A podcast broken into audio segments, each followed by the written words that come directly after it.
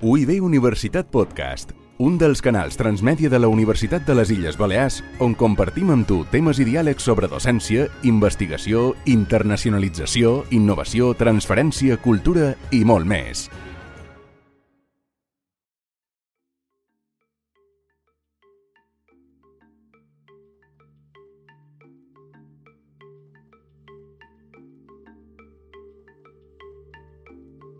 Encetàvem un capítol més d'En quin món vivim, reflexions sobre eh, el nou ordre mundial, un podcast de l'Oficina de Cooperació de la Universitat de les Illes Balears per enfocar el que sembla, ho deim sempre, més que una era de canvis, un canvi d'era. I som aquí, estem enregistrant eh, aquesta sessió a l'exterior de l'edifici Mateu Orfila de, sa, de la Universitat de les Illes Balears, en Xema González a la part tècnica i vos parlen David Oliver, i el tema del dia la transició energètica, i hem decidit batiar aquesta trobada amb el títol Combustibles fòssils, fins quan i sobretot, insistim en això, i després que arriba el moment de fer tertúlia en responsables de grups ecologistes. Ara tot d'una eh, els sentireu. Saludam a Marc Muñoz, que és coordinadora del GOM Mallorca. Marc, com estàs? Què tal? També ens acompanya Elisa García, és tècnica d'Amics de, de la Terra Mallorca. Elisa, gràcies per venir. Com estàs? Bon dia, gràcies a vosaltres per convidar-me. Vàlida, si voleu, si farem una, una primera ronda de preguntes i després escoltarem un seguit de declaracions de Nicola Scherer. Ella és investigadora de uh, l'Observatori del Deute en la Globalització, però uh, comencem per Namar. Um, com i quan i on, sobretot, Mar, s'han de posar les plaques fotovoltaiques, que això és un debat important, no? Sí, bé, en relació a quan, eh, feim tard, en general, eh, en la transició energètica com a concepte, i aquí el tema més polèmic en com ens trobam a les illes és ses, a ses on, com bé comentaves, no? En realitat aquí hem de tenir present que haurien de prioritzar a fer una planificació correcta de les zones on s'han d'instal·lar aquestes plaques fotovoltaiques, començant, per suposat, en les cobertes, amb l'autoconsum i tots aquests sols i terres infèrtils o improductives, que a les Balears en tenim moltíssimes, abans de permetre i donar permisos per instal·lar plaques fotovoltaiques en terrenys que potser sí que tenen una, una fertilitat major, se li pot donar un ús realment diferent i que tenim terra, territori limitat. Per tant, s'hauria de fer primer de tot aquesta planificació detallada que des dels grups ecologistes estem demanant des de fa anys en el Consell i que no arriba per determinar exactament quins són els terrenys que se poden dedicar a aquest ús i quins no. Uh -huh. Ja marques una, una línia, també marques qüestions que, que no t'agraden, però si vols anem a fer la llista sencera, no?, de greuges, que és allò que no vos agrada de com s'està gestionant aquesta situació a nivell social i sobretot polític.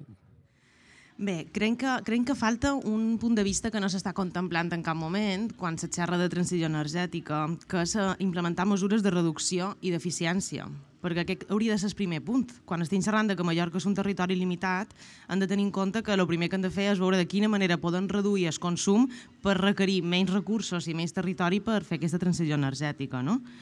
Després també, evidentment, ens oposam a que s'instal·lin grans parcs fotovoltaics en rústic, sense, sense mirar també qui està explotant aquests parcs, perquè també hem de pensar que no només és, és com, quan i on, és el qui.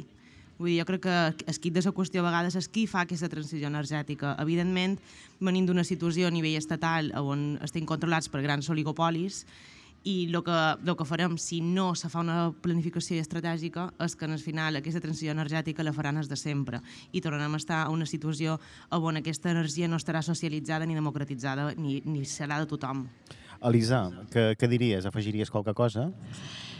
Uh, bé, ho ha explicat superbé a Mar, però sí que és vera això, el qui, no? Com, com és possible que en un moment clau uh, de per fi sobre la oportunitat no? que, que, que portem esperant dècades de democratització energètica, de transitar cap a un, un altre model energètic, no sigui un nou model energètic, sigui una rèplica de l'anterior que està controlat per, per l'oligopoli dels combustibles fòssils, que ara s'ha posat la careta de, de anem, nosaltres instal·lem plaques, nosaltres gestionem eh, instal·lació de parcs fotovoltaics i decidim quins projectes són els estratègics doncs sí que molt d'acord amb, amb Namar. Això, eh, des de les entitats ecologistes sabem que un, un petit percentatge, no, no, crec que se diu un 1 o 2% del, del sol, eh, sí que s'estima que s'haurà ocupat però, ostres, anem a prioritzar anem a prioritzar tot aquest banc de cobertes de superfícies ja antropitzades eh, abans de posar en joc aquests sols que sí que tenen una, una, altra, una altra utilitat. I què passa? Que el, les empreses, eh, diguem, que controlen la situació, per a ells estan mirant el benefici, estan mirant l'especulació i els surt més molt en compte tirar un gran projecte per davant, no?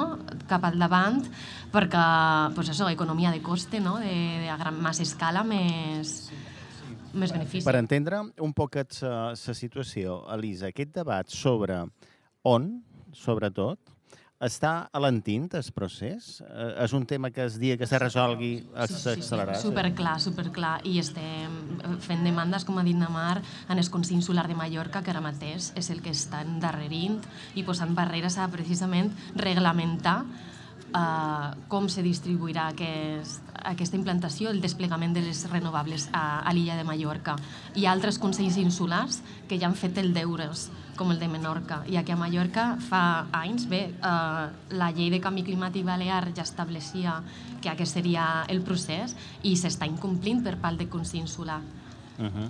Mar, ara Elisa citava, citava Menorca. Eh, els criteris a l'hora de um, instal·lar, per exemple, uh, plaques fotovoltaiques, extensions importants. Eh? A Menorca i a Mallorca, quan la postura del GOP és molt diferent? allà és la mateixa que aquí, hi ha matisos...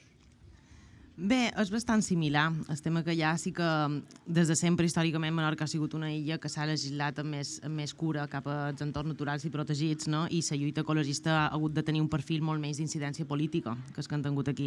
Ara sí que s'estan trobant una situació bastant similar a Mallorca, sobretot amb els temes de massificació i tot això, i crec que estan haguent de transitar a un perfil més combatiu com els que, com els que tenim aquí des de Mallorca. Val. Uh, abans hem parlat amb, amb persones que se miren tot això des de l'enginyeria l'enginyeria, la tecnologia, i clar, mm, qui vos parla pot ser ha viatjat per allà anant cap a Tarragona, la banda també de... Allà on conflueixen Tarragona, Lleida i Barcelona hi ha com un gran pla, parc eòlic, no? I dius, per què aquí hi ha tant d'eòlic, perquè allà hi ha plaques, etc. no? Eh, quin espai ha de tenir cada tipus d'energia? I aquí hi ha espai per ser eòlica o és inviable? Bé, aquí molta gent parla de... I per què no tenim molins d'eòlica, no? Jo crec que cada territori hem d'explotar de, el nostre potencial de producció d'energia i, evidentment, Mallorca, el nostre principal potencial no, no és eòlica i en els llocs on podria funcionar són llocs protegits, no?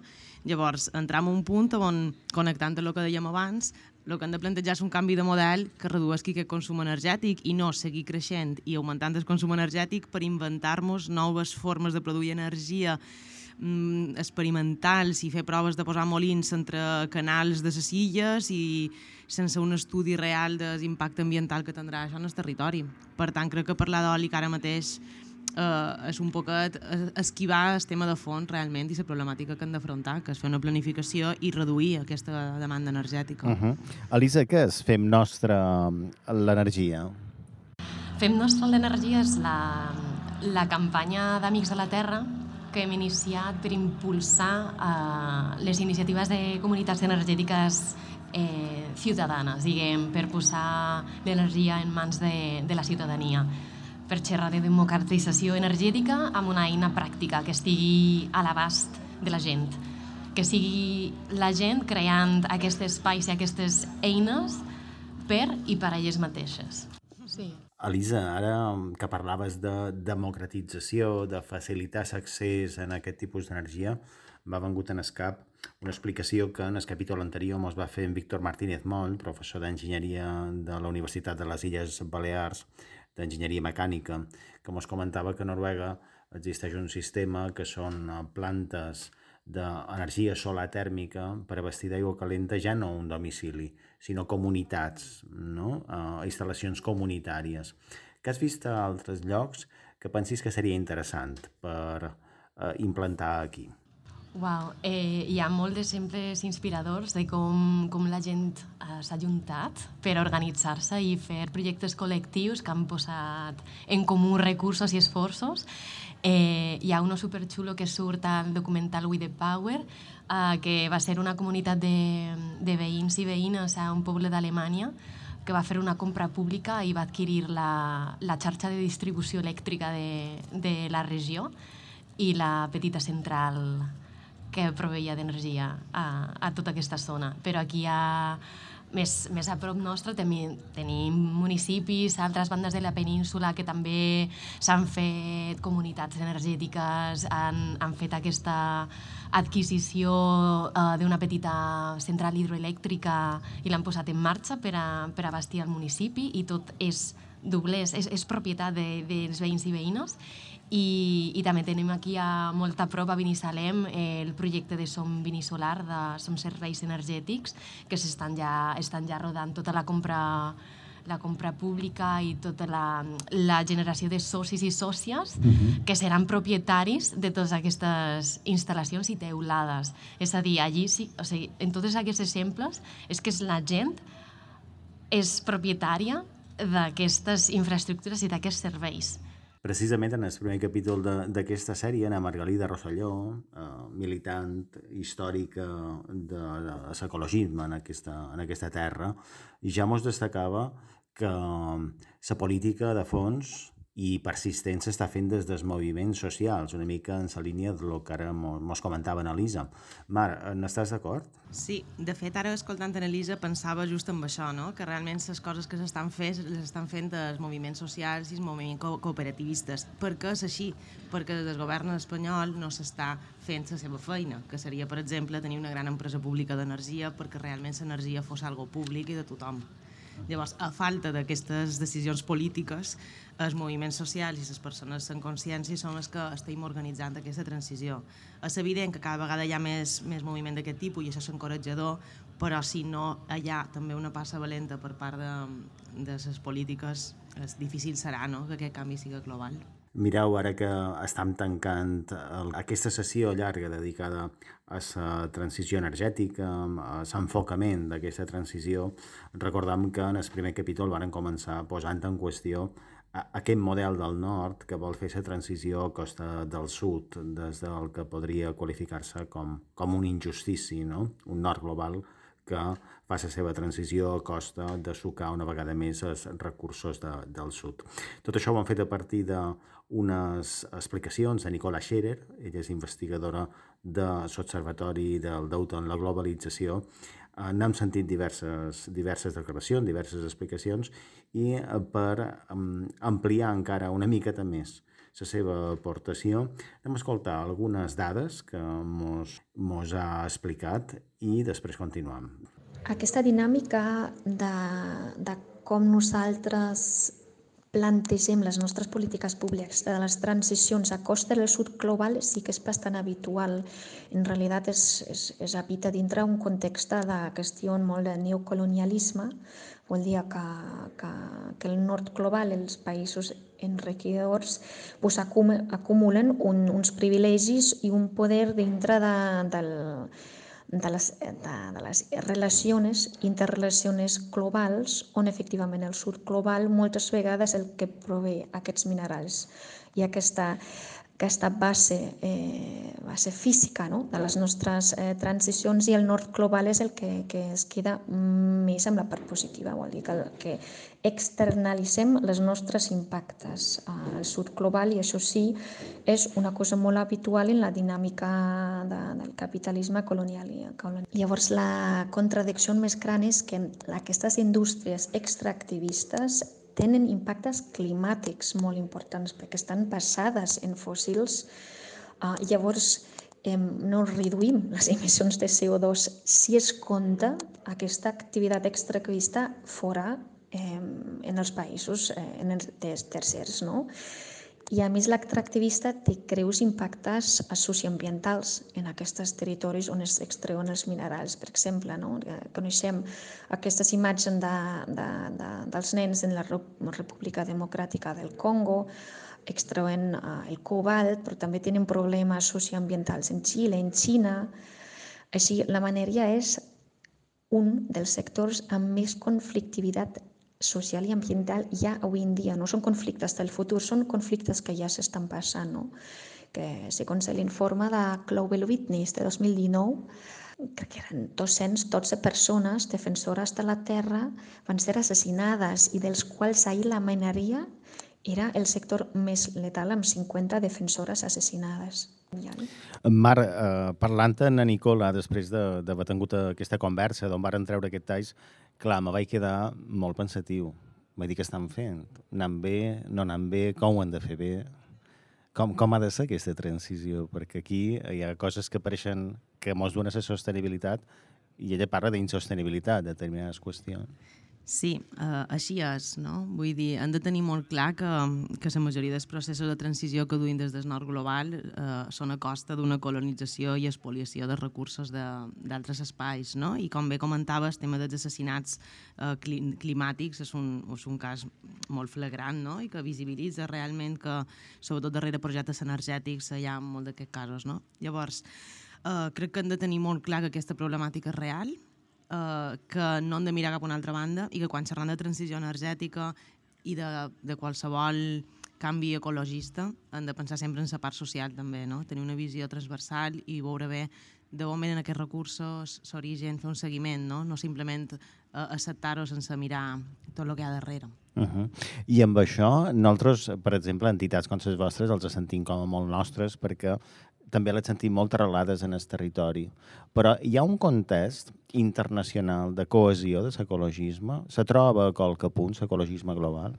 Jo crec que sí, que hi ha altres entitats de, de projecció internacional, com pot ser, per exemple, Greenpeace, entre d'altres, i, i que sí que fan aquesta tasca més en, a, en els punts claus en els territoris del sud global. No? Llavors, que sí que jo crec que seria un punt a tenir molt en compte per teixir aliances també des d'entitats de petites, perquè a vegades a lo millor fem un focus molt concret aquí a Mallorca no? i val la pena tenir aquesta informació i aquesta xarxa de col·laboració amb altres entitats per veure què poden fer des d'aquí per, per, per seguir un poc tot aquest, aquest camí de la matèria prima que ens arriba.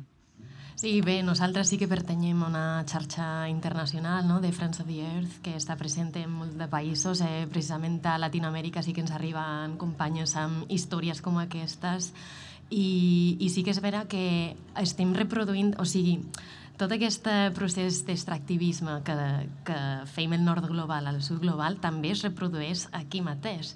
És a dir, hi ha zones de sacrifici per abastir a sumideros, no? a sumideros d'energia com són les ciutats. No? I és per això que les alternatives que estan al nostre abast són precisament que entrin a jugar un rol actiu a aquestes ciutats, aquests blocs de pisos, aquestes teulades que ja existeixen i que poden llevar pressió eh, amb aquesta energia produïda en quilòmetre zero i amb, amb projectes eh, que comparteixen energia i que, per tant, estalvien una mica recursos que, com, com ja heu avançat abans, són limitats.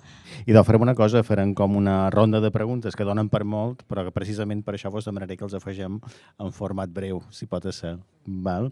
Elisa, arribam tard a la transició energètica i per què? Molt tard, sí, i uh, per què? Perquè ja hi ha hagut, ha hagut moltíssims interessos de, de les indústries, no? de, de l'oligopoli dels combustibles fòssils, i fins en que no els hi ha interessat no s'han donat les primeres passes. Doncs, eh, clar, és per això que entrem a dir de quin model eh, volem aquesta transició. Hem, tothom ha de, ha de tenir capacitat de, de formar part d'aquesta transició i la ciutadania, com, com a ben bàsic és l'energia, l'accés a l'energia, per això uh, la ciutadania i sobretot les persones més vulnerables, no? tots els col·lectius que precisament sofreixen pobresa energètica haurien d'estar al capdavant de, no? uh, protagonitzant aquesta transició. Mar, en el teu cas, què diries? Arribam tard? Sí, evidentment, i totalment d'acord amb el que diu, amb el que diu sa companya però és que, a més, a part de tots aquests interessos eh, empresarials no, i polítics, afegim la mirada a curt, de, a curt termini que se té, no? també, tant a nivell empresarial com a nivell polític, i crec que la manera de, de modificar un poquet aquest, eh, aquesta forma de fer és precisament projectar un poquet una mirada més a llarg termini dels impactes que tenen les coses que feim a dia d'avui. No? Perquè jo crec que això també eh, és algo que ens condiciona en el dia a dia i sobretot en la transició energètica s'ha vist molt clarament. Els interessos econòmics eh, se miren d'aquí a l'any que ve no més enllà. Durant totes les sessions que han fet, o durant tots els blocs que han fet, hem insistit molt en mirar cap al món, però ara ho farem a Sant Revés, mirant cap a nosaltres. a ser unes illes mos condiciona de qualque manera en aquest procés, Elisa? Clar que sí, som un territori limitat, amb recursos limitats i depenem uh, moltíssim de, de fonts externes de, de proviment d'energia, de, d'aliments i tot això. Doncs hauríem d'estar posant-nos posant les piles moltíssim amb tota aquesta part de sobirania energètica alimentària de tota, no? de tota, tota aquesta qüestió que, que en el final es tradueix en emissions, es tradueix en extractivisme a altres bandes, eh, en poblacions afectades a altres bandes. Doncs, eh, en concret al Mediterrani som una, una zona, diguem, d'alerta roja de crisi climàtica i per tant també hauríem d'estar liderant un canvi, un canvi de model, un canvi de sistema, més enllà de canviar de tecnologia d'una per altra. Sí, totalment d'acord amb el que diu Elisa i a més afegir que a part de que tenim aquesta limitació i, i aquesta dificultat de tenir una sobirania energètica i alimentària, hem d'entendre que també tenim, estem submergits en un procés de superpoblació des dels anys 60 i, i crec que xerrar de transició energètica va molt de sa mà també de xerrada de creixement també en altres sentits. Per tant, si seguim fent plans per créixer i créixer i créixer, cada vegada necessitarem més recursos. Per tant... De fet, uh, no serveix, o sigui, sí serveix de, de qualque cosa tenir una llei de canvi climàtic i una conselleria de transició energètica que està promovent projectes, alguns d'ells uh, bastant alineades amb, amb aquesta posició ecologista, però no serviria de res si no hi ha polítiques coherents de la resta d'administracions que s'alineen amb, aquesta, amb aquest model. És a dir, de què serveix un plan de transició energètica eh, d'una conselleria en concret si després hi ha una altra que promociona el turisme i un model uh, de consum energètic i va desalineada completament amb, amb aquests objectius. És a dir, coherència a tots els nivells i per part també arrelant una mica així, ater aterrant el tema dels territoris, als municipis, els municipis haurien d'agafar un rol molt, molt més proactiu, no haurien de només estar allà esperant a que de part de la societat civil organitzada sorguesquin eh, projectes o que eh, la conselleria obri tal, que ja estan obertes, per cert, les subvencions i, i tot això. És a dir, a mi és que ho tenen super fàcil i perquè no estan donant la passa. És a dir, hi ha aquí una qüestió eh, super... Eh, incrustada, no sé com, com explicar-lo, d'una falta de, també d'alfabetització energètica en general per part de la societat. Com és possible que sent un, un ben bàsic, l'energia, si no és experta, no eres rica, no eres propietària, no tens res a dir. I això s'hauria de canviar ja. I és aquí on entren els municipis i les institucions més properes a la ciutadania per facilitar, per informar, per acompanyar a tot aquesta, aquest canvi de model. És super necessari i la gent és que ho està demanant. És que la gent ja està cansada de dir estem en una situació de crisi multisistèmica que ens queda super lluiana perquè no podem fer res, perquè eh, la, les persones que, eh, que prenen les decisions, prenen decisions que les interessen a ells a curt termini, com deia Ana Mar, ostres, eh, anem a canviar tot això des del municipalisme també, des de les, eh, eh, anem a enfortir els moviments ecosocials que ja estan en marxa, eh, anem a sumar-nos a qualsevol iniciativa que impliqui una mica canvi de sistema comenta Nelisa, sí que hi ha iniciatives a nivell municipal que ho empenyen i, evidentment, aquest canvi s'ha de fer des de, des de baix fins a dalt, no? Vull dir, i molta, moltíssima comunicació, també, perquè jo crec que també el problema que ens trobam a les administracions públiques és que hi ha propostes com a molt aïllades, no? Pues ara, des de Transició Energètica, fan una proposta que no han consensuat amb agricultura i potser sí que ho haurien de fer, no? O no, no, no se basen en informes tècnics realment profuns, no? Sinó, ah, mira, quina bona idea instal·lar una planta d'hidrogen, serà super, super guai tenir una planta d'hidrogen a Mallorca, super novedós, anem a fer-la. Vale, ok, quin ús li donarem, d'on traiem aigua perquè funcioni. Mm, finalment s'està fent un projecte d'hidrogen que per ara s'ús que se donaran aquest hidrogen ha sigut mesclar on so gas, que és d'origen fòssil, perquè siga menys xungo. Llavors, això són estratègies que en principi a qualcú li sonen molt bé i el fet de no haver-les eh, analitzades amb cura, a nivell tècnic, en contrastades amb els moviments ecosocials que potser si tenen els recursos i la gent capacitada per donar una opinió al respecte, fan pues, que acabin impulsant projectes de greenwashing, com la planta d'hidrogen de Lloseta, que per ara per lo que servirà és per perpetuar eh, l'ús del gas fòssil per exemple. I doncs farem una cosa per, per acabar. Escoltarem un tall d'en Víctor Martínez Moll, professor d'enginyeria mecànica en aquesta universitat, i argumenta que no només és un canvi tecnològic el que hem de fer, té molta vora en coses que ara estàveu eh, introduint, sinó també amb un canvi capes de creixement? Crec que realment serà inevitable també fer un canvi de, cultural molt gran en el sentit, jo que sé, hi ha molt de consums que ara mateix s'estan fent perquè vull dir, tothom eh, ens hem acostumat a, a que eh, tothom ha de fer viatges i si poden ser com més en fora millor i clar, això eh, al final és un consum energètic eh, enorme i hi ha molta gent que viu de, d'explotar de, això. De, ara mateix, nosaltres, eh, com, a, com a lloc de destinació turística, vi, vivim d'això, però, clar, això jo crec que a la llarga s'haurà de reduir. Però poso un exemple. Hi ha moltes altres coses. Ús de, de, de, del transport, més ús del transport públic eh, i altres formes de, de, de transport. Haurem de reduir el consum. Un canvi d'hàbits, però diria que va més enllà. Parla d'un canvi cultural. Ho veus així? Sí, jo crec que sí. Sí que és vera que perquè aquest canvi cultural s'adoni han de crear un marc eh, apte perquè s'adoni, no? Per això també és important aquesta col·laboració sociopolítica, que he dit jo sempre que a vegades pareix que des dels moviments socials i polítics està com a la cosa un poc polaritzada, no? I jo la veritat que som molt d'estendre la mà i d'anem a treballar plegades, no? Llavors anem a treballar plegades per fer aquest, aquest escenari viable de, de canvi de model i cultural, no? Perquè és molt fàcil xerrar de fer campanyes de conscienciació col·lectiva, no? Eh, tu has de fer aquest petit canvi, no? I sí que és important fer aquest petit canvi, donar exemple en el dia a dia, sense entrar a una culpabilització, però sí que és vera que sense generar aquest escenari on sigui viable és molt difícil que aquests petits canvis del dia a dia generin algo a llarg termini. Això és molt interessant per una qüestió que sovint se posa damunt la taula i és que de vegades sembla que se carrega la responsabilitat d'aquesta transició a la ciutadania sense que l'administració o la gran empresa o el gran capital faci una.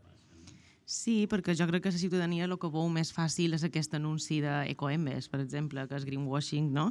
I diu que bé, quines idees més bones tenen de com han de fer les coses, no? Però, evidentment, el canvi va molt més enllà i va molt més de, de fons a una part que potser no és tan visible per la ciutadania, però que sense canviar això no anem enlloc. I per això també crec que se torna imprescindible eh, acompanyar la proposta cap a la ciutadania de què puc fer jo, doncs no només fer aquests petits canvis que evidentment els has de fer per visibilitzar-ho i donar exemple, sinó també mobilitza't. Mobilitza't perquè realment hi ha un canvi estructural a nivell polític i a nivell dels principals lobbies, eh, lobbies empresarials. Informa't a quins espais pots militar, o millor, o fer activisme, no? Vull dir, perquè tothom pot aportar alguna en aquest canvi. I, I si no generam aquests espais per fer un contrapoder ciutadà, difícilment aconseguirem canviar l'estructura de com funciona tant el món polític com empresarial. Elisa? Perfecte, va explicar Anna Mars, clar, exacte. Eh, hi ha canvis que és que no, no, dependeixen de, no depenen d'una persona, o sigui, són canvis estructurals i, per tant, les solucions anirien, haurien d'anar precisament estructurals també. I a mi m'agrada molt posar... Bé, un exemple així és, eh, no, per exemple, en el tema de, de mobilitat, de res serveix canviar cotxes de combustió de benzina o el que sigui fòssil per cotxes elèctrics si després aquests cotxes elèctrics s'han d'enxufar a la xarxa que és alimentada de gas fòssil o, o similar o de res serveix intentar eh, eh, donar suport a iniciatives de residu zero quan després les, les, firm, les marques comercials, diguem, els productors, les, les comercialitzadores, posen això al, ho comercialitzen i després eh, no és la ciutadania la que assumeix la culpa de ostres, has tirat això, l'has deixat abandonat. Doncs per a l'energia és el mateix. Eh, s'ha de, de fer un, un, un repàs d'un canvi estructural perquè el, el canvi d'hàbits individuals, si bé és important, no serà suficient. Uh -huh. I de Mar Muñoz, coordinadora del GOM Mallorca, Elisa Garcia, tècnica d'Amics de, de la Terra Mallorca, gràcies per ser-hi. I amb altres dues tancam aquest En quin món vivim centrat en la transició energètica. Moltes gràcies. Gràcies a vosaltres. A vosaltres.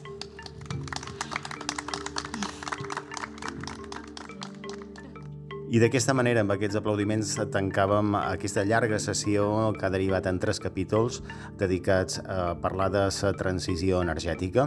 Seguiu en quin món vivim, continuarem fent enregistraments a espais exteriors del campus de la Universitat de les Illes Balears i la propera fita hem de parlar de drets humans.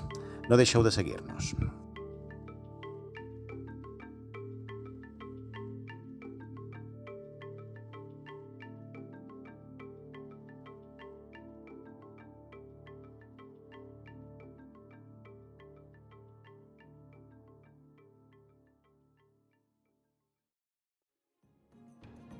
UIB Universitat Podcast, un dels canals transmèdia de la Universitat de les Illes Balears on compartim amb tu temes i diàlegs sobre docència, investigació, internacionalització, innovació, transferència, cultura i molt més.